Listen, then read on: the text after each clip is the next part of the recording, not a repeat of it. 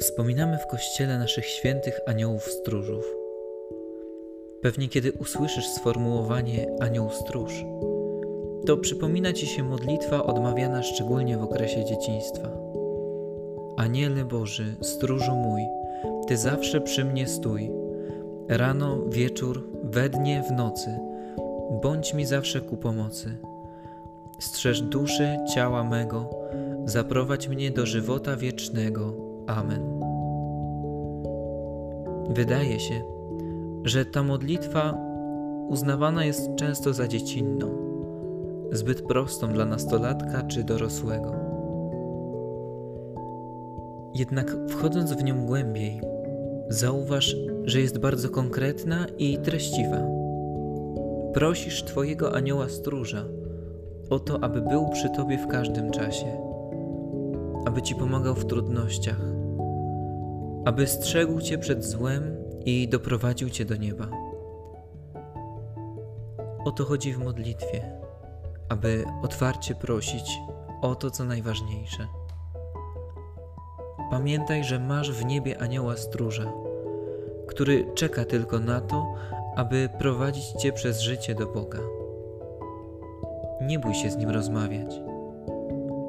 Chwyć telefon swojej modlitwy i po prostu do niego zadzwoń. Powróćmy do tej modlitwy dziecka, ufnej, prostej, konkretnej, bez żadnych dwuznaczności, po prostu autentycznej.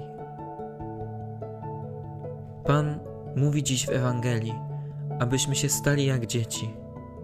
Nie w tym sensie, że mamy teraz masowo zapisywać się do przedszkoli, ale byśmy mieli pokorne i szczere serce wobec Pana Boga, drugiego człowieka i samego siebie. Każdy z nas ma w niebie swojego anioła stróża. Pomyśl, czy ty możesz stać się dla kogoś takim aniołem tu na ziemi?